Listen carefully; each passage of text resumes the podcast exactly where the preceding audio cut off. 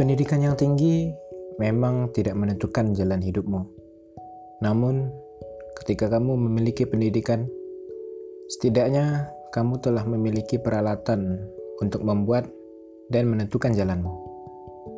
Pendidikan adalah nilai plus untuk mendapatkan apa yang kamu impikan.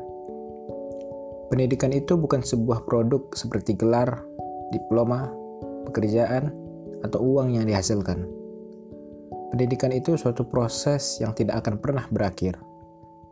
Pendidikan adalah paspor ke masa depan, karena besok adalah milik mereka yang mempersiapkan hari ini.